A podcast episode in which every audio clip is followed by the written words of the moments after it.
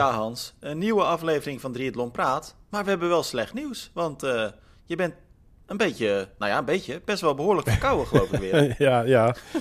Ja, ja, we wisselen elkaar af, hè. Uh, de ene week ben jij, ja. de andere week uh, ben, uh, ben ik weer aan, aan de beurt. Dus ik hoop dat het bij mij niet zo lang gaat duren als bij jou. maar... We vergen te veel van onze lichamen, Hans. Ik denk dat het dat is, ja. ja. Zoals in de off-season. Nou ja, prijs. Ja. ik, zit een beetje naar buiten te, ik zit een beetje naar buiten te kijken.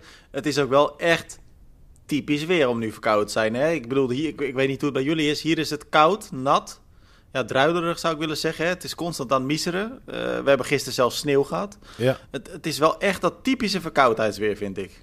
Ja, ja in België ook. We hebben ook uh, sneeuw gehad. En uh, nu is het weer lekker regenachtig en grijs en koud. En, en, ja, en ik, ik stond zondag te spiekeren bij min 5 in, in La Roche. Gel gelukkig daar geen regen gehad. Want eigenlijk was best nog wel een mooie dag. Het was, het was ijzig koud, dat wel. Um, maar um, ja, het was, het was nog wel bedoel, het, het, voelde gezond aan. En er hing ook wel een hele toffe sfeer. Dus dat was, uh, dat was best wel tof. Dat was voor de Trail de la Soep dat ik daar uh, de hele dag uh, zat. Um, en er werd overigens best nog heel snel gelopen, ook ondanks de omstandigheden. En ik, ik had echt zoiets, ja, ik, ik, heb daar ook redelijk wat atleten nog gewoon in vlindershorts zien toekomen. Tim, dat ik dacht van, wie gaat er nu in hemelsnaam een trail lopen bij min 5 graden in een vlindershort? Maar het kan dus blijkbaar. Dat is gek, hè? Dat was in Nederland hadden we, dat was dan geen trail, maar de, de Montferland Run, dat is een, uh, nou niet de grootste loop, wel een van de sterkst bezette. Er komen ook echt Kenianen, Ethiopiërs op af, 15 kilometer. Uh, ook echt wel een aantal uh, Nederlandse triatleten, zo nog eventjes over uitweiden. Maar daar zag ik ze ook, nou hier was het ook koud, ik weet niet of het min 5 was, maar het was sowieso onder nul. Um, ook allemaal korte broekjes, t-shirtjes, hemdjes. Ja, aan de andere kant, ik snap het ook wel. Je bent natuurlijk, ja, die, die snelle lopers zijn drie kwartier tot, tot vijf 50 minuten uh, aan het rennen, uh, dan heb je ook geen zin om een lange broek aan te trekken of wat dan ook. Uh, maar ja, het, het ziet er in ieder geval niet per se heel prettig uit hè, als je daar naar kijkt. Nee, inderdaad. inderdaad dan, ik, ik had kou in hun plaats. hey Mans, die Montferland want, uh, want laten we daar dan gelijk even mee beginnen. Ja, ja. Um, ja ik, ik, zag wat uh, interessante posts voorbij komen op de social media van wat uh, bekende triatleten. Dat ik dacht van, hé, hey, mooi. Ja, en het leukste vind ik daaraan, of, of ja, het leukste, het mooiste ook, um, is Maya Kingma. Uh, ja. Ik zei het al, Kenianen staan er aan de start, Ethiopiërs. Het is echt, echt, echt een wereldloop eigenlijk wat dat betreft. Dus het gaat echt ja, ongenadig hard eigenlijk. En uh, nou ja, de wedstrijd bij de vrouwen werd uh, gewonnen door, ik zoek het even op, ehm, Medina Elisa. Zij liep 47 minuten 40 over dit 15 kilometer. Maar Maya, die werd tiende overal Uh, en derde Nederlandse. En er stonden echt hele goede vrouwen ook uh, qua Nederland aan de start. 53-03 Hans. En um, nou ja, de luisteraars van onze podcast, of de mensen die misschien Kingma zelf ook volgen, of gewoon uh, ook de artikels op Triathlon natuurlijk lezen, die weten. Maya heeft niet per se het beste seizoen gehad. Ze heeft echt wel een paar goede wedstrijden gehad, maar ze heeft ook veel last gehad van blessureleed. heeft natuurlijk heel lang weer last aan de voet gehad. Weinig kunnen lopen, zeker de laatste weken, maanden. Um, is weer sinds vier weken uh, enigszins serieus begonnen met de trainingen op te pakken. Nou ja, kijk daarbij natuurlijk ook uh, vooruit naar Parijs 2024. Dat is ook het hoofddoel natuurlijk voor haar. En uh, ze voelde zich eigenlijk nu sterk genoeg. En de en enkel was blijkbaar belastbaar genoeg om weer eens een keer een wedstrijd op hoog tempo te lopen. Ja, als je dan er een, een 53.03 uitperst, Hans, dat belooft wat. Ja, ja, ik vond het ook indrukwekkend. Um, en en uh, weet je, het, ik had dit weekend ook, daar moeten we het zo dadelijk ook nog even over hebben, denk ik. Um, alweer de vaststelling van een paar sterke korte afstandsatleten die de stap zetten naar de lange afstand. En als ik dit ja. dan zie, dan zat ik gelijk te denken van misschien moet Maya zich ook na Parijs daar eens uh, een keer op, op gaan wagen. Uh, dat, dat, dat lijkt mij leuk om te zien van hoe, hoe ze daar zou kunnen uitkomen. Ik ben alleen heel erg benieuwd hoe dat voor um, uh, Maya zal zijn. Want we weten natuurlijk dat zij eigenlijk relatief heel slecht belastbaar is qua lopen. Uh, zij traint ook, nou ja, als je het dan in verhouding zet tot andere profatleten van, uh, van de korte afstand. Nou ja, bijna verwaarloosbaar weinig. Ze loopt echt heel weinig. Ze loopt sowieso nooit dagen achter elkaar. Dus ze heeft er altijd een rustdag tussen. Mm -hmm. nou ja, dat is best wel zeldzaam natuurlijk ook op dat niveau. Maar dat doet ze gewoon omdat ze anders te snel blessures heeft ik denk dat dat misschien problematischer is als je je gaat richten op de lange afstand. Want zeker die, die, die long distance atleten, die doen echt... Nou ja, dat weet jij zelf ook Hans. Die doen de ene dag bij wijze van spreken 30 kilometer lopen... en dan doen ze de dag daarna nog even een intervaltraining.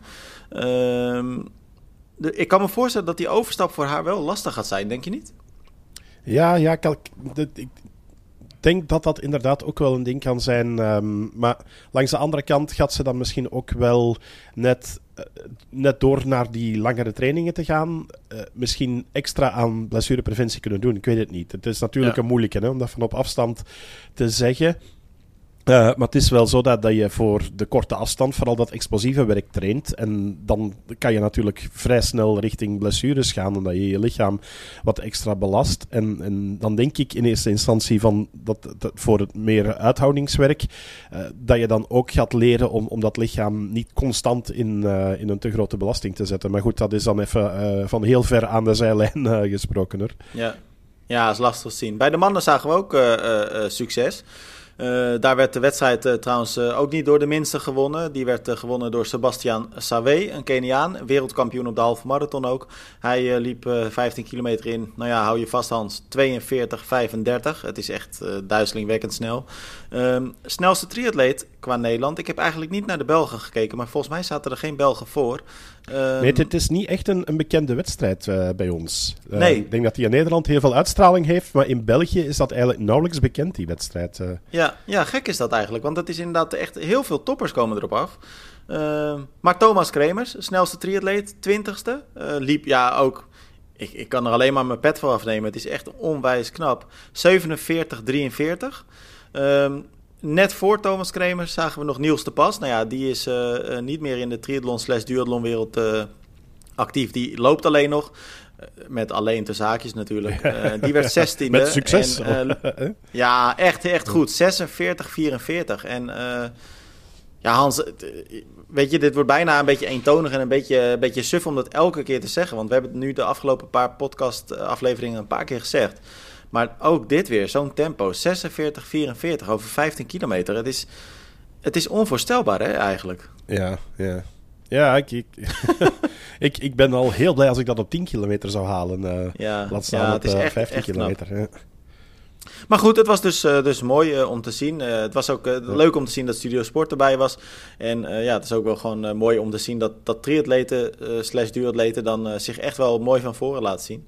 Ja. Ehm, ja, en goed dat wij het er nu over, uh, over hebben met veel Belgische luisteraars. Dan uh, kunnen we ze misschien ja. een keer motiveren om, uh, om mee te komen lopen en, en het zeker eens, eens te checken. Want ik zeg, bij ons is het nog, nog onvoldoende bekend. Um, nu hadden bij ons de Trail de la Soupe, um, een, een bekendere trail met 1500 deelnemers volledig uitverkocht. was mooi, ook daar een paar opvallende deelnemers. wij hadden een van de top wielrenners uit België aan de start en die deed het geweldig goed. Dat was op de 23 kilometer. Ties en die werd negende. En okay. dat ging aan een aardig tempo voor zijn allereerste trailrun. Dus, hè, want dat is toch nog wat anders dan gewoon een stratenloopje. Um, dus ik, ik, was wel onder de indruk. Uh, bij de vrouwen overigens uh, Mieke Dox, die ook nog podium uh, pakte. ook zij prof wielrenster. Maar het valt mij op dat, ja? naast Ties Benoot, ik zag nog een paar um, Strava-posts van, van wielrenners die in, in dit offseason toch vrij veel aan het lopen zijn. En het lijkt echt nu een, een nieuwe trend te zijn bij, bij wielrenners dat ze tussen tussendoor uh, ook aan looptrainingen doen. We hadden het al een paar keer gezien. Maar ik zie het meer en meer opkomen. En nu ook bij een, uh, bij een Ties Benoot. Uh, dus ik heb hem nog even benaderd overigens, Tim, na de finish. En ik heb hem gevraagd, ja? zeg Ties, ik zeg, hoe is je zwemmen? dat, dat, hij zei, dat waag ik me niet aan. Dus daar is nog werk aan. Dus als we een zwemtrainer kunnen vinden voor Ties Benoot voor de komende jaren. Ehm, ik had te proberen nog wat te motiveren door te zeggen, ook door de microfoon, van kijk, nu Mathieu van der Poel heeft beloofd van een Ironman te gaan doen, kan je toch niet achterblijven. Uh, maar ja. dat, dat, zwemmen, dat zag, je, dat zag je toch zo niet zitten. Uh. Hey, en, en hoe is dat dan? Want uh, Ties dat is toch niet een, uh, de, de minste naam, zeg maar. Um, krijgt hij dan, als hij daar zo'n loopje meepakt, uh, ook heel veel aandacht? Of valt dat dan best wel tegen eigenlijk? Dat, dat viel best wel, um, ja, ik, ik zou dan zeggen best wel tegen. Viel eigenlijk best wel mee dat hij wel met rust werd gelaten. Je hebt sowieso altijd okay. een, een, redelijk los sfeertje binnen het, het trailrennen. Ik denk dat je het kan vergelijken tussen wielrennen en, en gravelbiken. Um, dat laatste is ook zo wat meer, ja, daar hangt gewoon een andere sfeer, meer collegialiteit en dergelijke. Um, Hij had ook geen Jumbo-Visma-uitrusting aan. Uh, had dat een oranje shirt aan. Uh, en ik denk wel een buff of iets dergelijks van, van Jumbo-Visma nog. Dat was eigenlijk het enige accent waaraan je hem kon, uh, kon herkennen. En voor de rest was hij ook goed ingeduffeld. Ja. dus je moest al goed kijken van ver dat het, dat het Ties was. maar hij werd op dat moment gewoon geapprecieerd als loper. En ik merkte wel na de finish dat wel een paar mensen nog een selfie zijn gaan nemen met hem. maar voor de rest werd hij redelijk met, met, rust gelaten. En ik denk dat, dat een atleet, zoals hij dat ook wel kan appreciëren, van je gaat daar meedoen voor de fun. Um, ik denk ja. dat hij ook wat eh, getriggerd was door een paar vrienden die hem aan de finish stonden op te wachten, die uh, andere afstand hadden gelopen. Um, dus ik, ik, denk dat hij best wel een, een, een leuke dag had, zonder druk um, en, en, toch goed gepresteerd. en zonder dat hij dan de grote Ties Benoot is. Dus dat is wel, dat is wel een toffe. Ja, leuk. En ik moet zeggen, want jij zei 23 kilometer dat hij liep. Dat is ook nog wel een, een serieus eind dan. Uh, dat, het is niet ja, dat hij rustig aan begint of zo. Met, met 700 hoogtemeters op de 23 uh, kilometer. Ja. Dus dat was al, uh, al wel wat. Op de, de 45 kilometer, de langste afstand, waren het 1700 hoogtemeters. Um, dat was echt een super zware. Uh, en daar heeft Tim van Hemel meegedaan. Okay. Uh, oh, um, nee, Lucas van Dijnsen deed de 45. Tim heeft uh, 32 gelopen. Ja, ja, ik was het overdrijven. Okay. Uh, dat was met 1040 hoogtemeters, dus dat was ook al de moeite. Uh, maar die was dan zaterdag al um, het dubbele eigenlijk gaan mountainbiken dan wat hij aanvankelijk gepland had. En die is na zijn trailrun zondag ook nog een mountainbike training gaan inlassen.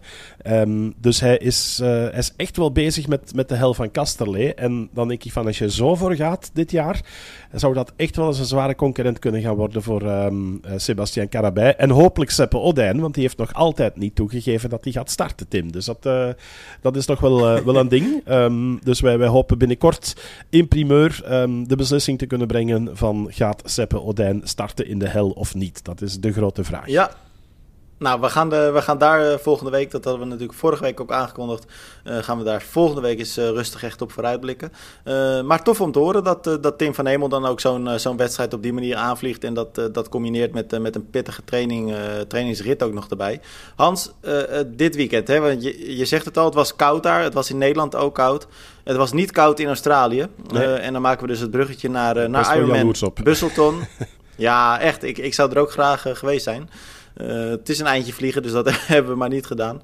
Ironman Busselton of Ironman Western Australia. Uh, het is maar net uh, welke van de twee namen je pakt. Ehm, ja, daar waren vanuit ons in ieder geval natuurlijk de, de ogen vooral gericht op de, op de Nederlandse battle. Um, Els Visser en Lotte Wilms. Vorig jaar werden ze allebei stonden ze op het podium. Els werd toen tweede, Lotte Wilms werd derde. Voor Lotte was het toen ook haar eerste long distance. En nu gingen ze met elkaar de strijd opnieuw aan. En nu waren de rollen omgedraaid, Hans. En dat was best een beetje verrassend. Niet per se omdat Lotte Wilms uh, niet goed is. Integendeel, Lotte Wilms heeft ook een geweldig seizoen achter de rug. Maar Els Visser heeft natuurlijk nou ja, eigenlijk een fenomenaal seizoen achter de rug. Europees kampioen, 15e op Kona. Uh, vorige week nog de, de winst bij Challenge Canberra, de halve. En nu dan dus Busselton. Maar ja, het was, een beetje, het was een beetje vervelend voor Els. Want ze had uh, eigenlijk een hele, hele slechte start van de dag. Ze, ik zag ook op haar Instagram, het water was best wel wild. Nou ja, dan weet je als je Els Visser bent dat het in je nadeel is. Je bent gewoon geen goede zwemster. Uh, alles relatief natuurlijk. Uh, Lotte Wilms is dat natuurlijk wel. Die kwam ook als eerste uit het water. Maar toen Els uit het water kwam, had ze een achterstand van ruim 11 minuten op Lotte Wilms en ook. Vanella Langridge. Ja. Uh, ja, eh, weet je, 11 minuten. Els geeft het zelf ook. Dan ben je eigenlijk gewoon verloren. 11 minuten mm -hmm. is mhm. te veel. Um, wat mij wel verbaasde. Wat je altijd ziet op de fiets is dat Els eigenlijk altijd naar voren rijdt. Uh, ja. ze, ze, maakt minuten goed. Ze, ze rukt op in het veld. Dat gebeurde nu niet. Uh, sterker nog, ze verloor ook tijd op de fiets. En ze kwam, nou ik, ik zou het even op moeten zoeken, maar ze, ik, ze kwam met meer achterstand van de fiets dan dat ze aan het fietsen begon. En um, ja, hier sterker nog, hier, ik heb het nu voor me staan. 22 minuut 34 toen ze van de fiets afkwam. Dus haar achterstand werd eigenlijk nog verdubbeld. Ja, dat is wel fors, hè, Hans? Dat is, dan heb je geen goede dag. Nee, nee, maar ik, ik, ik, ik liet je even, even doorgaan. Maar ik, ik had al meteen, eigenlijk toen ze de start nam, zoiets van vind je het gek na zo'n seizoen? En dan ook nog eens een week na Challenge Canberra, waar je Ja, vanuit bent moeten gaan. Want laten we niet vergeten, dat was in de spurt. Ik bedoel, dat was niet dat ze even met twee vingers in de neus naar de kon, eh, kon lopen daar. Dus het is echt Inderdaad. vol, vol moeten gaan. En dan denk ik van, ja, en daar nog eens een volledige Ironman achteraan, waar Tim opnieuw, ehm, we, we zeiden het daarnet eigenlijk nog, eh, maar we blijven het vaststellen, die tijden, dat is onvoorstelbaar. Als je kijkt naar, hè, er er waren zes mannen die onder de acht uur gingen. Ehm, bij de vrouwen waren er een aantal die dik onder de negen uur gingen. Ja, dan denk je van, ja, dat is gewoon een supersnelle race. En dan moet ze eigenlijk niet klagen dat, dat ze een slechte race heeft. Dan heeft ze, denk ik, volgens mij een vrij normale race. Maar dan gaat het niveau weer zo Ja. hoog. En heeft ze heel veel gedaan de afgelopen weken. Ja, Ze- ze- eigenlijk, ze eigenlijk klaagt heeft ze ook mijn, niet, eh, eh, mijn optiek heeft ze dan geen, eh, ehm, geen nood aan, aan klagen, zeg maar. Ik denk ook niet dat echt klagen, maar elke atleet heeft dan natuurlijk wel. Je wil winnen, hè? Dat, dat is duidelijk. Ja, nee, precies. Maar ze, ze klaagt inderdaad ook niet. Ze schreef dit gewoon op Instagram. Eh, het is meer dat het mij eh, eh, als. Ja, ik had, ik, had, ik had het iets meer naar voren verwacht. Ehm, kijk, en jij zegt heel terecht: Canberra was natuurlijk een hele zware wedstrijd. Inderdaad, de laatste kilometers ging ze nog net voorbij aan Language. Maar het was wel diezelfde Language die nu won in. ehm Busselton. Dus het kan blijkbaar zo kort achter elkaar. Want ik vind überhaupt dat je inderdaad in één week een halve op je maximale kunnen en dan een week later een hele op je maximale kunnen. Ik vind dat bewonderenswaardig. Ja, en ja. Lotte Wilms doet het andersom, hè? Want Wilms heeft nu dan eh, dus die hele gedaan en die staat aankomende zaterdag is dat denk ik. Ja, vrijdagavond Nederlandse tijd eh, aan de start bij Ironman 70.3 Taupo. Dus die doet eh, de combinatie precies andersom. Ik denk eerlijk gezegd dat dat misschien nog lastiger is, denk je niet? Van een Nee. hele naar een halve, een week later. Ja, dat lijkt mij ook. Dat lijkt mij ook. Het, sowieso denk ik, ja, vroeger eh, had ik echt de indruk van dat mensen specifiek toeleefden naar een volledige Ironman en dan nadien dat je dan ook de tijd nam om daar rustig van te recupereren. Eh, want Ja. het seizoen zit zo lekker vol. ehm, dat, dat atleten wekelijks de kans hebben om een goede wedstrijd te doen en, en die kansen ook grijpen. En eh, ik snap ook wel, in, in, zeker in het geval van de Europese pro's, je gaat niet naar eh, Australië reizen voor maar één wedstrijd. Dan, dan eh, denk ik ook dat je probeert van toch nog wat extra mee te pikken. Je bent daar toch nog wat extra prijzengeld ook mee binnenrapen. En, en zeker als je wat vorm te pakken hebt. Want anders, ja, als je gaat reizen down under voor, voor maar één wedstrijd, ja, dan, dan is, is dan die reis waard. Dus ik, ik snap het ergens wel ook. Maar het is wel, ja, dit is iets waar dat we niet te snel aan moeten voorbij gaan, vind ik. Nee, en we hadden het er natuurlijk vorige week ook met elkaar over. Hè? Van dat overvolle programma, steeds meer wedstrijden. Ehm, maar wat, ja, wat ik eigenlijk net zei, dat verbaast me best wel. Lotte die dan een hele doet, eh, nou ja, derde wordt, weet je wel. Eh, het is ook niet dat zij rustig aandeed. Hè? Ik bedoel, ze Nee, kwam nee, nee, binnen in een tijd van eh 8 uur 40. Dus dat Ja. is echt, echt tik- tik razendsnel. sub 9. Dat, eh, ik bedoel, er is een Precies. tijd geweest dat, dat, dat, wij sub 9 bij de vrouwen ook als, als heel uitzonderlijk eh, bestempelden. Dat gebeurt de laatste Exact. tijd meer en meer. Dus, ehm, want sub 9 Maar is bij de vrouwen niet- wat sub 8 is bij de mannen. Laten we dat, eh, dat voorop stellen. eh. Maar heb je dan niet het idee dat het ook toch wel roofbouw is, Hans? Op je lijf? Ja, dat vraag ik mij dan af. Van, van, eh, want allebei zijn ze al een, een, een lang seizoen bezig. Ze zijn er vroeg aan begonnen, zowel Els als, eh, als Lotte. Ehm, want ik meen me te herinneren dat zij het seizoen ook Down Under begonnen zijn. eh, toen het hier Klopt. nog lekker, lekker fris was. Dus als je dan gaat kijken naar die lange periode en wat voor wedstrijden ze allemaal hebben gedaan. Ja, dat is best wel veel. Ehm, maar je ziet het meer en meer tegenwoordig. En, en ja, ik, ik weet niet wat, wat, wat wijsheid is eh, hierin. Misschien moeten we dit eens voorleggen aan een aantal coaches en vragen van wat, wat zij ervan eh, van vinden. Eh, Maar ik denk dat we dan ook gewoon verschillende reacties gaan krijgen van of het goed is of, Ja. of slecht. Of, ehm, we, we- hebben ook al in, in het geval van een paar atleten geroepen van ja, als die nu eens wat wedstrijden minder zouden gaan doen en focussen op die ene wedstrijd. Langs de andere kant, als je dat kan weerleggen met resultaten, ja, wie zijn wij dan? Hè? Dus Maar los, los, los daarvan, want ik, ik denk dat je helemaal gelijk hebt. We zullen, als we het aan coaches vragen, dan zullen er... eh, ik, ik denk zelfs dat het grote merendeel van de coaches zal zeggen dat het prima kan. Ehm, en wij moeten er ook helemaal niet over oordelen. En ik, ik moet ook zeggen, kijk, ieder zijn eigen ding. Hè? Dus ik vind het alleen maar tof dat ze zoveel wedstrijden pakken. Het is voor ons als volgers van de sport alleen maar leuk. Maar als we echt realistisch zijn, Hans, denk ik toch wel dat we best de conclusie kunnen trekken dat het sowieso niet goed is voor je lijf om zoveel wedstrijden van zulke lange afstanden, waarbij je urenlang hè, je, jezelf tot de max pusht, dat kan niet gezond zijn. Dat, dat geloof ik echt niet. Nee, nee dat, dat, dat denk ik ook niet. Maar ja, ik zeg het, ze bewijzen het week na week dat het kan. Dus, dus um, ja, ik, ik, ja laten, we het, laten we het zien. Laten we het voordeel van de twijfel geven, zou ik zeggen. nou ja, en laten we vooral genieten ervan. Hè? Want het is natuurlijk een luxe dat we, en dat hebben we ook al een paar keer gezegd, dat we, dat we elke, bijna, nou, eigenlijk elke week van dit soort prachtige topprestaties kunnen, kunnen genieten. En ja, ook hier neem ik mijn petje vooraf. Ik zei het net, uh, net bij, die, bij die looptijden al, maar ook hier neem ik mijn petje voor, voor af. Dat die vrouwen in dit geval, weet je wel, die trainen het hele jaar met zoveel passie, zoveel toewijding. Uh, ik zie Els ook heel best, best wel regelmatig op, op Instagram plaatsen. Dat ze, uh, weet je wel, ze gaat iedere avond om acht of, of half negen naar bed. je, je hebt eigenlijk geen, geen normaal sociaal leven. Je zet alles in het teken van die, van die topsport dan moet je wel een heel sterke persoonlijkheid hebben als je dat allemaal, als je al die opofferingen kunt maken uh, en er tegelijkertijd zo van, van kunt genieten. Ja, ik, ik vind dat echt knap en ik, ik neem er echt uh, mijn petje vooraf. Dan even naar die mannenwedstrijd, Hans. Want jij zei het net al, veel mannen onder de acht uur. Uh, Daniel Beckerkart, die doet het weer. Uh, die, die pakt eigenlijk ook de dubbel, hè? want die won Canberra de week ervoor en nu dan Busselton. Die heeft denk ik best wel een lekker eh, eind van zijn seizoen. Want hij had nog niks gewonnen tot vorige week. Dus dat is wel een uh, mooie, mooie manier om 2023 te eindigen. Nee, klopt, klopt. Pas op, hij heeft ook wel niet de gemakkelijkste wedstrijden uitgekozen dit seizoen. Uh, met stevig wat tegenstand. En dat was nu net iets minder. Uh, maar goed, winnen is winnen. Dus, dus toch wel weer knap gedaan. Um, en, en ook als je bij hem gaat kijken naar, uh, naar zijn eindtijd en de tijden onderweg. Ja, dat was ook weer indrukwekkend, Tim. Ja, echt. Het is, het, ja, Hans, misschien moeten we gewoon niet meer over tijden praten, want anders zeggen we elke keer dat het indrukwekkend is. ja, ja, maar ja, het blijft wel zo. Ik bedoel, je, ja. je kan ervan zeggen wat je wilt, maar, maar, het is wel... Ik denk van, uh, ja, ja. Ik, ik zat er um, uh, dit weekend, van de Trail de la Soup um, was een organisatie van, uh, van sportevents, van Wim de Donker. Die werd ooit zevende in, uh, in Busselton, in de Ironman West Australia, ergens begin jaren 2000. Dat is al redelijk wat geleden. Okay. En ik had bij hem ook over die tijd en hij zei, ja, dit is ook, ja het is gigantisch. Het is echt uh, onvoorstelbaar dat die mannen zo hard gaan tegenwoordig. Uh. 7.34 kwam je over de, over de streep, uh, Hans. En, en ook de nummer 2, 7.40. De nummer 3, 7.48.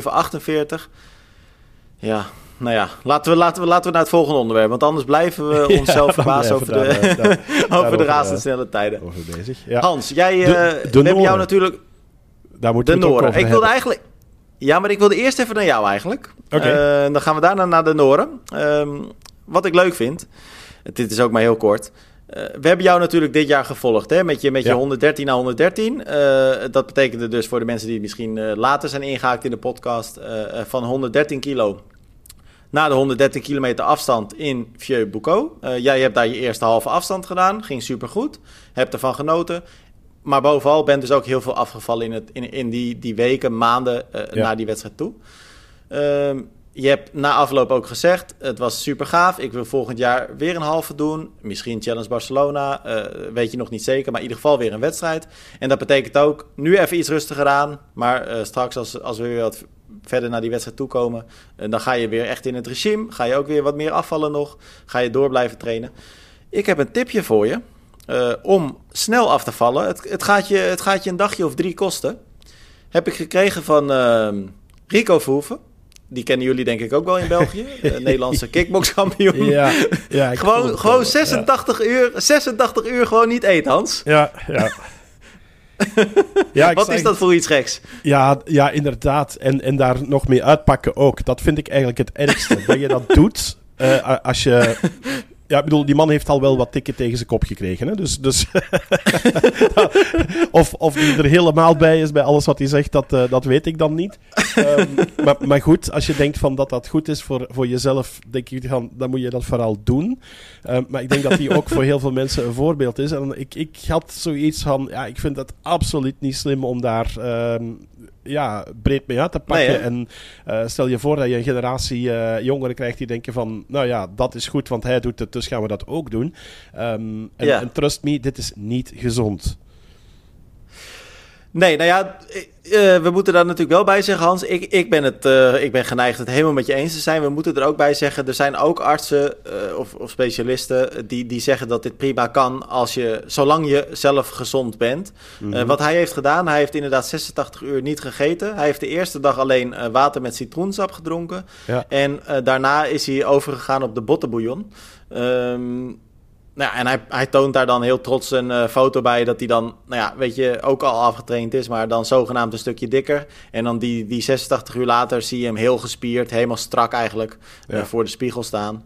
Um, uh, ja, en, kijk, en wij dat, hebben dit online... Da daar heb ik ook ja. mijn vragen bij overigens, maar ik laat jou eerst even, Precies. even uitbreken. Nee, daar, daar wilde ik eigenlijk ook naartoe. Ik, ik vraag me dat ook af. Um, ten eerste, iedereen uh, kan dit. Ik bedoel, als je, uh, bedoel ik, een, een, foto maken waarop je er dik uitziet, dan, hè, of, of juist gespierder. Als ik in de ochtend voor de spiegel ga staan, zie ik er waarschijnlijk ook gespierder uit dan in de middag na een lunch.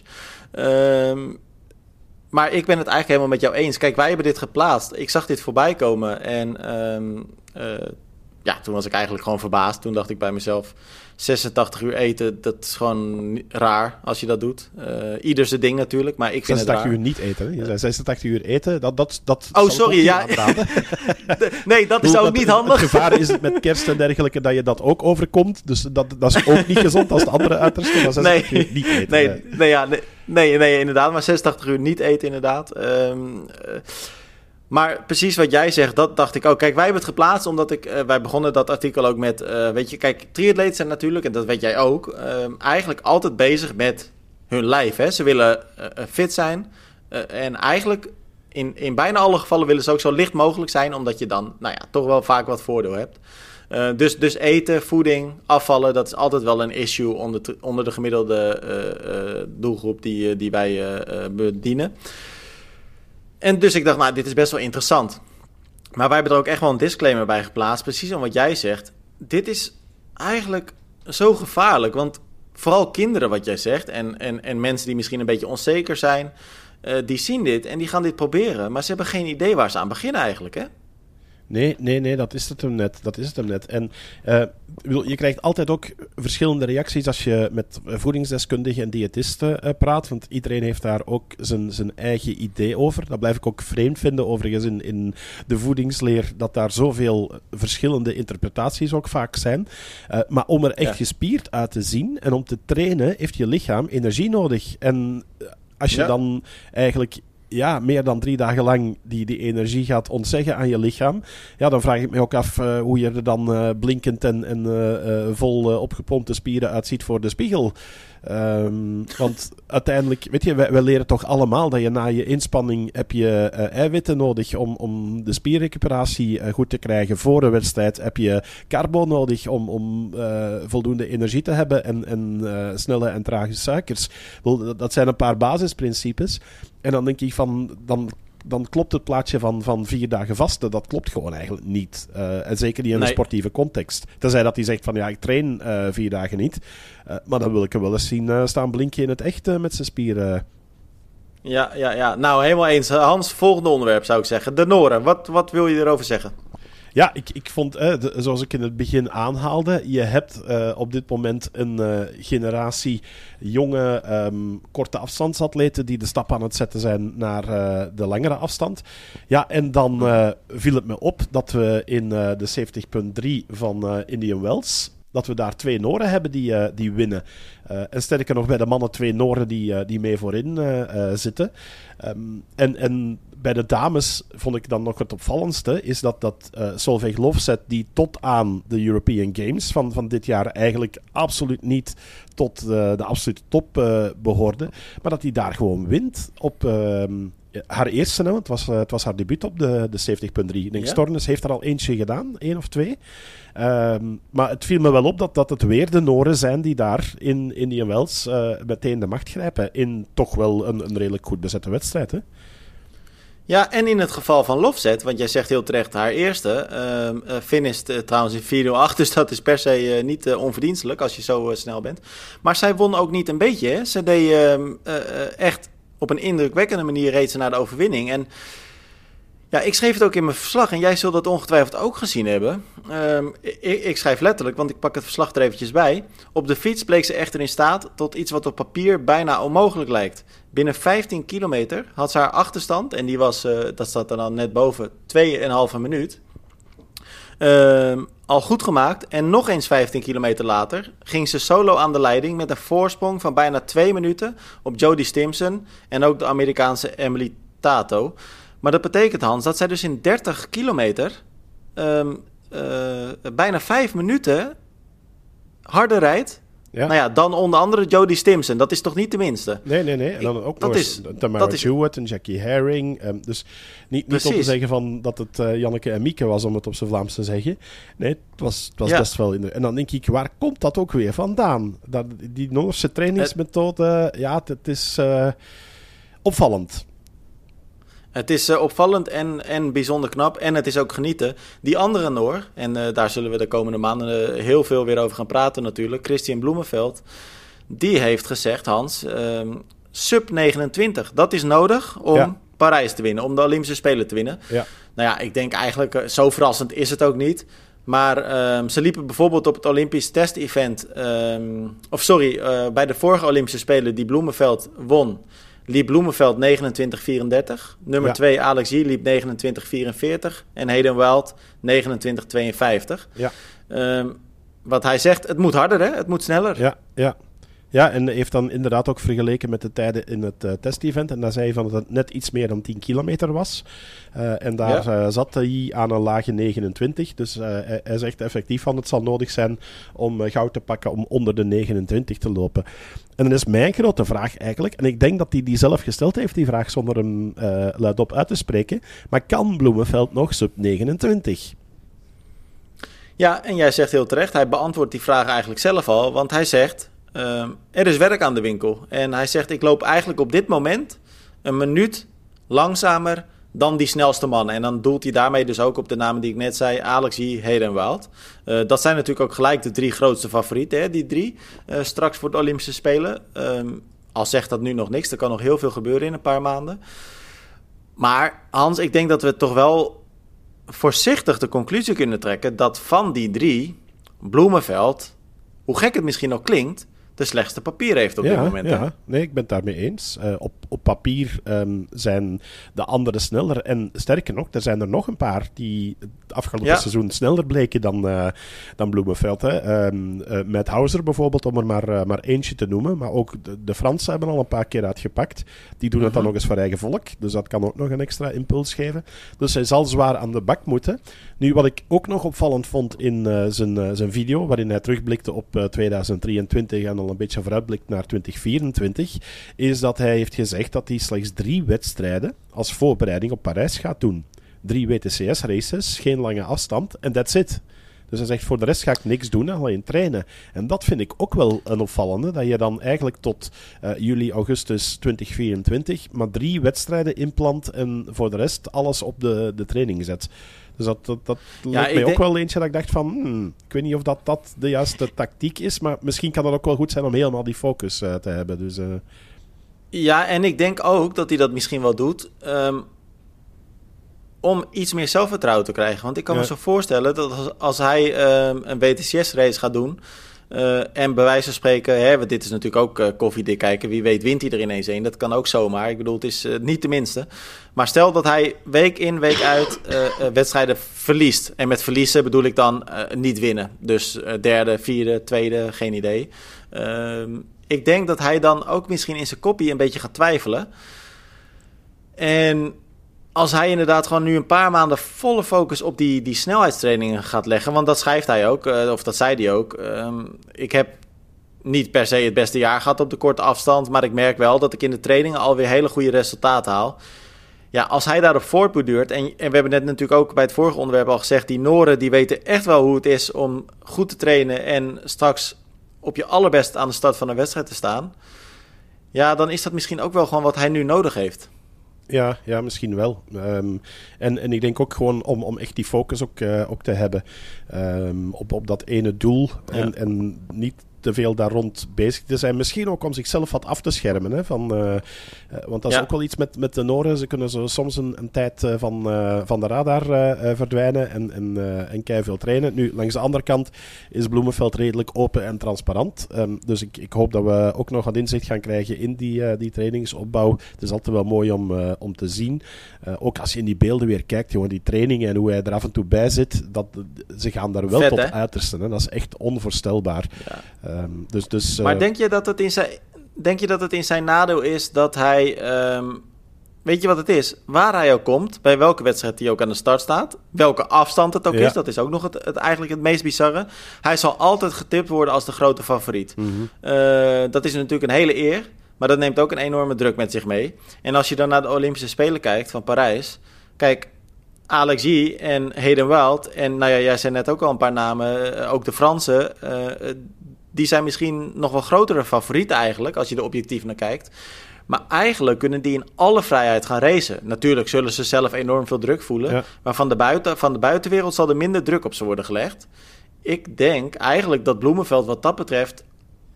Ja, om het even heel plat te zeggen, bijna ten dode is opgeschreven. Ik denk dat het bijna ondoenlijk wordt voor hem om te gaan winnen. Want ook in het wedstrijdverloop gaat iedereen naar hem kijken natuurlijk. Ja, maar daar heeft hij in het verleden ook niet altijd veel last van gehad. Hè? Hij is ook wel de man om, om ehm, die rol op zich te nemen en zich op kop uh, te zetten. En hij vindt meestal ook nog wel wat uh, stevige bikers rond zich uh, die, die, die mee willen fietsen. alleen in het lopen, ja, dan, dan zal je het moeten, moeten waarmaken. Want daar heeft het alle schijn naar dat er gewoon een grote groep gaat beginnen lopen in Parijs. En dan, ehm, ja, dan zal het inderdaad dicht tegen een sub 29 aanzetten. En eigenlijk is dat dat. Ja. Um, ja, vat, vat dat, dat eigenlijk samen van dat hij gewoon vanaf nu tot, uh, tot juli, augustus zeer hard zal moeten trainen op die snelheid. En, en um, ik ben, ben zeer benieuwd of hij die hij, kan halen. Hij, en ik, ik, ik, denk, ik denk minder ja, dat... dat het bij hem mentaal speelt van dat hij altijd in de schijnwerper staat. Ik denk het niet. Nu, we kunnen ons daarin vergissen. We, kun, we kunnen natuurlijk niet binnenkijken bij de psyche van uh, um, Christian Bloemenveld. Maar ik denk dat hij ondertussen wel wat gehard is en zoiets heeft van... ja, ik, ik doe mijn eigen ding wel en ik trek me daar niet te veel van aan. Maar als je dan bijvoorbeeld naar Kona kijkt, hè, want jij zegt... Uh, um, ik heb het idee dat hij daar wel goed mee om kan gaan. Um, hij werd natuurlijk Olympisch kampioen um, in Tokio. En toen dat jaar was hij ook de grote favoriet in Kona. Ja. Uh, op Kona. En uh, nou ja, we weten allemaal hoe dat WK ging. Hij werd derde. Hij werd eigenlijk in een rechtstreeks duel verslagen door Gustav Iden en ook Sam Ledlow. Die, uh, die, die bij hem wegliepen na, nou ik weet niet meer, uh, best wel halverwege de marathon denk ik. Misschien na 30 kilometer. Um, was een mooie wedstrijd, maar daarin kwam hij toch gewoon tekort. Um, hij was de grote favoriet. Dat zal best wel een klap voor hem geweest zijn ook. Als ik daar objectief naar kijk, heb ik het idee dat hij op basis van kwaliteit die wedstrijd had kunnen winnen. Maar dat hij toch een beetje gebogen ging onder het feit dat iedereen naar hem keek en dat hij de wedstrijd hard moest maken. Misschien zit ik er ook helemaal naast, hè? want jij zegt heel terecht, we kunnen niet in zijn hoofd kijken. Ik heb ook geen idee. Maar dat gevoel kreeg ik er toen een beetje bij. En als je van, naar dat moment kijkt, naar die wedstrijd. Daarna heeft hij natuurlijk nog hele goede wedstrijden gedraaid. En hele, hele prachtige wedstrijden ook gewonnen. Maar hij heeft ook veel vaker dan eigenlijk daarvoor wedstrijden niet gewonnen. En uh, dus ja, ik heb wel het idee dat het echt een hele andere atleet nu is geworden dan dat het in die tijd was. Ik heb ook het idee dat de onbevangenheid er een beetje af is. Ja, ja. Ik, ik, ik, ik had niet het idee dat hij daaronder gebukt ging in, uh, in Kona. Ik heb toen wel heel erg gemerkt dat hij voor de wedstrijd um, weinig te zien was in, uh, in Kona. Maar dat is wel bij veel meer pro's ook zo uh, de laatste jaren. Dus ja, ik, ik, ik, weet niet of, of hij effectief heel veel last heeft gehad van, um, okay. van, van de druk uh, die, er, uh, die erbij hoorde. En ik kan me voorstellen van als je dat allemaal al hebt meegemaakt, dat je daar ook beter mee, uh, mee om kan. Um, ja. Dus, dus ja, ik weet, ik, ik weet het niet goed of, of dat het me heel veel gaat, gaat parten spelen. Um, maar het feit is wel, hij heeft echt effectief werk aan, aan de winkel. Ik bedoel, de, de progressie op de korte afstand bij veel atleten, die, uh, die is er. Um, en hij heeft natuurlijk, uh, net zoals een paar anderen, constant nog die combinatie gehad van het langere werk en, en het kortere werk. Um, en ik denk dat nu gewoon echt effectief wat hij ook gaat doen, focus op korte afstand, explosiviteit en, en snel lopen gaat. Ja, en dat gaat, want wij praten er dan wel vlot over, maar als je dan ook die beelden van die trainingen ziet, ja, dat wordt echt kei en keihard uh, werken. En, en daar alleen al eigenlijk moeten we respect voor hebben dat hij dat doet. Uh. 100%. En uh, ik wil ook niet het verkeerde beeld schetsen. Hè. Ik vind het echt een geweldige atleet. En ik hoop dat hij, uh, dat echt super gaat zijn op de Olympische Spelen. Uh, en, en wat jij zegt, weet je wat al die gasten, al die vrouwen op dit niveau doen aan trainingsarbeid ja, het is eigenlijk onmenselijk. Het is zo uh, geweldig knap. Uh, maar het wordt in ieder geval een interessant jaar. En het wordt, uh, wordt tof om te zien wat daar allemaal gaat gebeuren. Ja. Um, Eén onderwerp wil ik nog even met je doornemen, Hans. Ehm, en dat verbaast me eerlijk gezegd ook een beetje. Dit weekend was de Silvis Night of the Year. Is natuurlijk in Duitsland een uh, prestigieus triathlon gala. Uh, beste wedstrijden worden daar uh, genomen of um, krijgen een award. De beste atleten worden in het zonnetje gezet. Maar Hans, ik heb het idee dat er eigenlijk bijna helemaal geen aandacht voor was dit jaar. Nee, ik, ik uh, moet zeggen dat ik zelf ook niet echt um, ervan op de hoogte was dat het was zelfs. Dus ik heb het zelf ook, de, de aankondigingen alleszins uh, gemist. Ik heb het bij jullie gezien. Um, maar, ik was er zelf ook niet echt mee, uh, mee bezig. Um, dus het, ja, volgens mij hebben ze gewoon minder lawaai rondgemaakt dit jaar. Ja, het is gek, want er werden, nou ja, Jan Frodeno en Anne Haug, die werden uitgeroepen tot atleten van het jaar. Uh, Duitse atleten van het jaar moet ik erbij zeggen. En normaal hebben ze bijvoorbeeld ook dan nog een internationale uh, categorie. Dus internationale atleet van het jaar. Nou, die categorie was er dit jaar niet eens. Ja. Uh, en wat je zegt, in aanloop naar het evenement... ja, ik heb, normaal zie je dan heel veel social media posts. Je ziet ook op de, de grote tri internationale triathlon websites de previews. Hè, wat, wie zijn de kanshebbers? Wat zijn überhaupt de genomineerden? zag je eigenlijk allemaal niet dit jaar... Nou ja, Challenge Road dit jaar dan voor de twaalfde keer eh, beste long distance race eh, van het jaar. Weet je, dus het is allemaal tof. Maar je hoort er eigenlijk heel weinig over. En ook het evenement zelf had, ik geloof pas twee dagen daarna, hadden ze een klein persbericht uitgestuurd over wie dan de winnaars waren. En daar stonden dan nog niet eens de atleten in. Dat ging alleen over de wedstrijden. Uh, is bijvoorbeeld uitgeroepen tot uh, beste korte en middeldistance race. Ja, ik vind het wel jammer, Hans. Want het was altijd wel een tof evenement om, om een beetje te volgen, toch? Ja, ja, absoluut. absoluut. Um, ja, ja ik, ik, ik, weet er eigenlijk niet zoveel op, uh, op te zeggen. Het is, uh, nee. Ja, dit is, uh, nou. het is wat, okay. wat minder. Wat overigens ook minder is, Tim, volgens veel mensen. Al valt het op zich nog wel mee. maar bij ons natuurlijk groot nieuws toen ehm, deze week aangekondigd werd, of vorige week aangekondigd werd, dat de 70.3 Ironman in Knokke Heist naar Sluis verhuist voor het zwemonderdeel in de Damse Vaart. Natuurlijk bekend ja. als zwemonderdeel van de zwintriathlon, dus back to the roots. Uh, maar het was net dat zeezwemmen um, de afgelopen twee jaar, die de wedstrijd wel een, een extra iconisch beeld uh, uh, bezorgde. Um, en ja, nu dus geen zwemmen meer in zee. Ik snap de organisatie volledig, want het is een, een zeer lastige, variabele factor die je heel moeilijk kan beïnvloeden. als de weersomstandigheden tegenzitten en met de getijden en dergelijke, ja, dan kan het zomaar zijn dat je last minute je wedstrijd moet um, aanpassen en dat er niet kan gezongen worden of dat je naar een duathlon moet gaan of naar een bike and run. Um, Langs de andere kant kregen we ook veel reacties van mensen die zeiden van ja, maar wat met blauw alg en stel je voor, hè, want in, in die periode komt dat ook veel, uh, veel voor. Uh, en ook mensen die zeggen van ja, hadden ze dan niet sluis als alternatief kunnen houden van als het in zee niet kan, dan doe het uh, in sluis. Uh, ook met dan de opmerkingen van ja, hoe zit dat dan met bike check-in? Want normaal gezien ga je de dag voordien uh, gaan inchecken. Alleen Sluis, ja, dat is een tripje van uh, een, een, tiental kilometer, zeg maar, vanaf de, de wedstrijd zitten in Knokke-Heist tot aan de wedstrijd zitten in Sluis. Um, dus dat doe je niet even over en weer, um, dat je daar je fiets gaat zetten. En dus dat, dat wordt ook logistiek nog wel een hele onderneming. Maar goed, wij, wij hebben er een bevraging rond, rond gedaan op Instagram. En dat viel me dan wel op. 42 procent, uh, Tim, die zegt, ja, doe mij maar uh, zwemmen in de rivier. En slechts 32 procent zegt, um, ik uh, verkies zeezwemmen. En dan nog 26 procent die zegt, okay. van, mij maakt het niet uit, ik zou de, de twee doen. Dus eigenlijk is toch maar een derde dat um, zwemmen in zee verkiest boven, boven in de rivier. dus dat, dat vond ik wel een opvallend. Ik weet niet wat jij ervan vindt.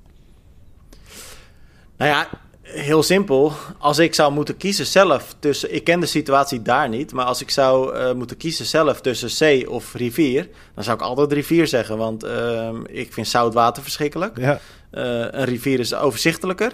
Het water is doorgaans rustiger.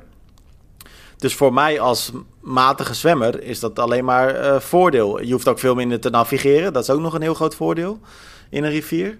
Ehm, dus op zich, die, die uitkomst verbaast mij niet. En, ja, jij zegt heel terecht, kijk, je moet dan dus uh, meer, uh, meer moeite doen met het inchecken. Aan de andere kant, uh, kijk, Challenge Road bijvoorbeeld, heb je dat natuurlijk precies hetzelfde. Hè? Dus dan is het ook, de, de bike check-in is eigenlijk 10, 15 kilometer verderop dan de finish. Um, en ook eigenlijk het dorpje Rood zelf. weet je, daar ga je ook in de, in, de, in de dag voorafgaand probleemloos naartoe om je fiets in te checken. Grote probleem is eigenlijk, vind, vind ik zelf altijd, is de start. Want dat betekent dus dat je, nou ja, je spullen na de start moeten vervoerd worden naar de finish. Wordt allemaal wel gedaan door, door de organisatie.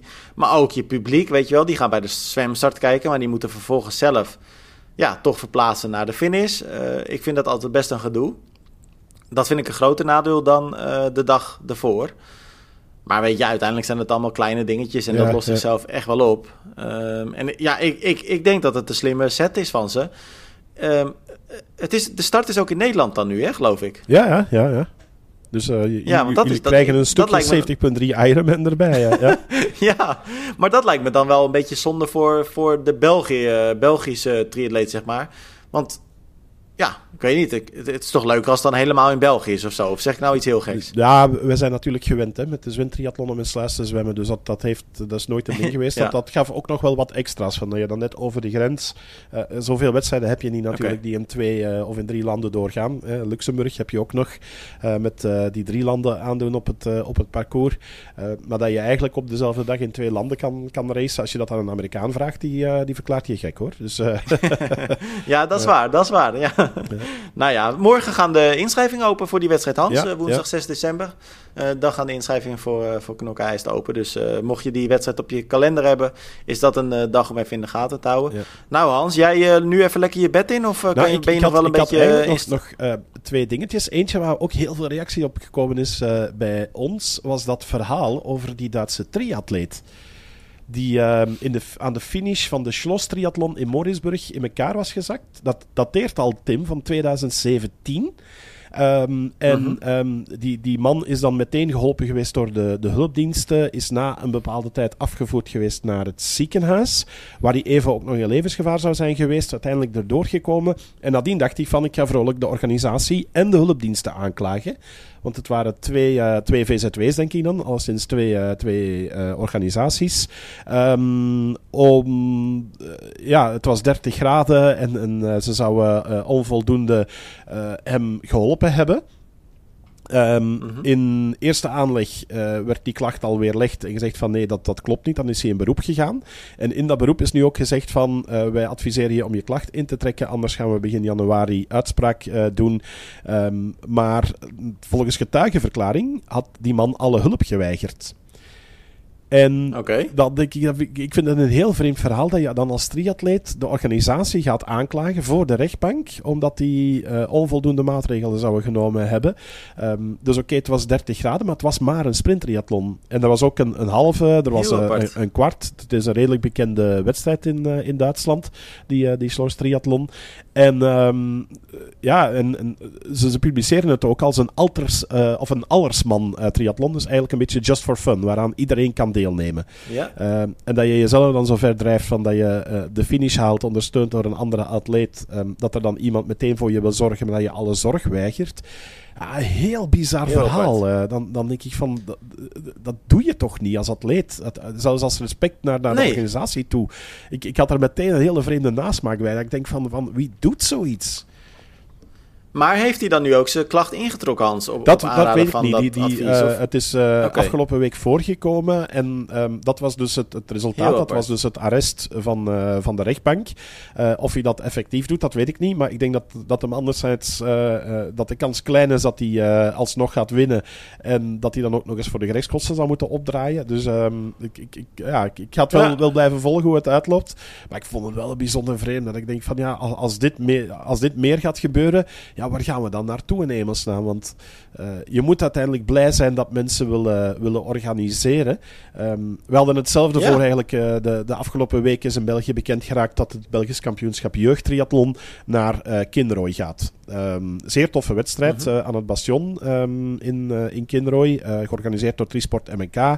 Hele toffe club, zeer begaan. Dus die, die stellen zich kandidaat, die zorgen voor een mooie wedstrijd. maar de datum is 7 juli. En er was Meteen niet, niet eens van, uh, hey, tof dat er een BK is en tof dat jullie het willen organiseren. Nee, van, oh, in godsnaam, wie verzint er nu zo'n datum vlak na de examens?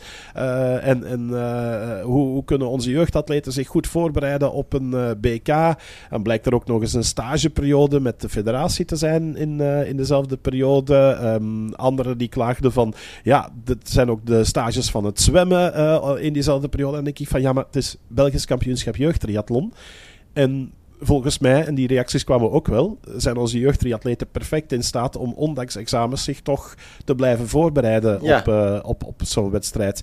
Uh, want je hebt toch ook wel de opbouw daar naartoe. En examenperiode, inderdaad, dat is stress. en, en dan heb je wat minder tijd soms om, om te trainen. Uh, maar het valt niet middenin de, de examenperiode. Uh, maar los van de hele discussie over de datum, vond ik het echt respectloos naar de organisatie toe. Dat je denkt van, hey, wees blij ja. dat iemand dit wil organiseren. En, en um, er zullen er ongetwijfeld ook een paar bij gezeten hebben die zelf graag een BK Jeugd hadden binnengehaald en, en daarom wat misnoegd uh, misschien reageerden, dat weet ik niet. Um, maar, maar gewoon, wees blij dat, dat iemand het wil doen en de moeite wil nemen om voor jouw jeugdatleten een Belgisch kampioenschap te organiseren. En die reactie, die miste ik. Dus ik, ik ik heb er zelf ook redelijk stevig op gereageerd op social media. Er zijn ook heel veel likes op, uh, opgekomen. Uh, en ik had er ook gezegd dat ik er in de podcast uh, aan bod zou laten komen. Dus bij deze. Ja, ik, ik weet want ja, jij bent natuurlijk ook nauw betrokken bij een aantal organisaties, Tim. Zoals in, in Almere. Um, ik, ik vind het, het respect in eerste instantie voor een, een, ploeg mensen die de moeite wil doen om triatleten een topdag te bezorgen tijdens zo'n organisatie. Dat zou eigenlijk altijd de, de bovenhand moeten krijgen. Nou, ik, kijk, ik, ik, weet niet of respect per se het juiste woord is, want uh, je hebt ook geen. Tenminste, kijk, dit, klinkt misschien ook weer heel gek. Maar als ik een brood bij de bakker gekocht heb ik ook geen respect voor de bakker. bakker. Uh, weet je, het is ook een soort van zelfsprekendheid. En dat snap ik allemaal wel. Um, ik denk dat begrip misschien een beter woord is. Je moet gewoon een beetje begrip hebben voor het feit dat in dit geval dus een organisator zoveel moeite doet om voor jou een wedstrijd te organiseren. En tuurlijk zit er ook een stukje eigen belang in. Hè? Daar hoeven we ook niet gek over te doen. Maar een beetje begrip zou wel op zijn plaats zijn. En eh, ja, weet je wel, het is wel zo dat je in, in, in, ook in het organiseren van wedstrijden zie je gewoon dat, dat de maatschappij best wel een beetje verhardt. En je krijgt soms reacties van atleten, ook van publiek trouwens, dat je denkt, ze hebben eigenlijk gewoon 0,0 idee wat het inhoudt om een wedstrijd te organiseren, hoeveel werk dat is, hoeveel geld dat kost, uh, hoeveel tijd er ingestoken wordt. Uh, mensen hebben vaak niet door dat dat echt 365 eh, dagen lang, ieder jaar weer uh, keihard werk is. Uh, wedstrijden zijn vaak al een, meer dan een jaar bezig met de, met, met de editie van dus dat jaar daarop. Ehm, dus ja, helemaal eens. Wat ik ook een beetje gek in dit verhaal vind, ik had dit ook niet meegekregen, dus ik hoor het nu voor het eerst. En jij zegt dan, weet je wel, vakantie of um, examenperiode, dat is niet handig. Met alle respect, Hans. En dat vond ik ook al toen ik zelf gewoon examens moest doen, lang geleden dan denk ik bij mezelf, zei ik niet zo. Dat is, het, dat is de hele, het hele leven werkt zo. Soms moet je verschillende dingen combineren. Ja. En als dat niet gaat, dan moet je keuzes maken. En uh, ja, dan is het heel vervelend als je een keer een wedstrijd niet kan doen. Nou ja, of bij wijze van spreken iets minder gaat leren en dus een lager cijfer zult scoren. Maar dat, dat zul je je hele leven houden, weet je wel. Ook als je later een baan hebt, zal dat zo zijn. En ja, zei ik niet zo plat gezegd. Ja, ja langs de andere kant gaan er nu denk ik heel wat ouders stijgeren die denken van... Oké, dus een lager cijfer voor triathlon, dat moet kunnen. Nee hoor, uh, dus... Nee, nee, nee, nee, dat zeg ik, dat zeg ik niet. Ik zeg alleen, je moet die keuze voor jezelf maken. En uh, het, het is een feit dat elke keuze die je maakt, die zal een, een bepaald gevolg hebben. En dat zal ook invloed hebben op andere dingen. Nou, en dan is het aan jou als kind of als ouder, hè, eh, in dit geval. Misschien dat je als ouder een beetje invloed op je kind kan uitoefenen.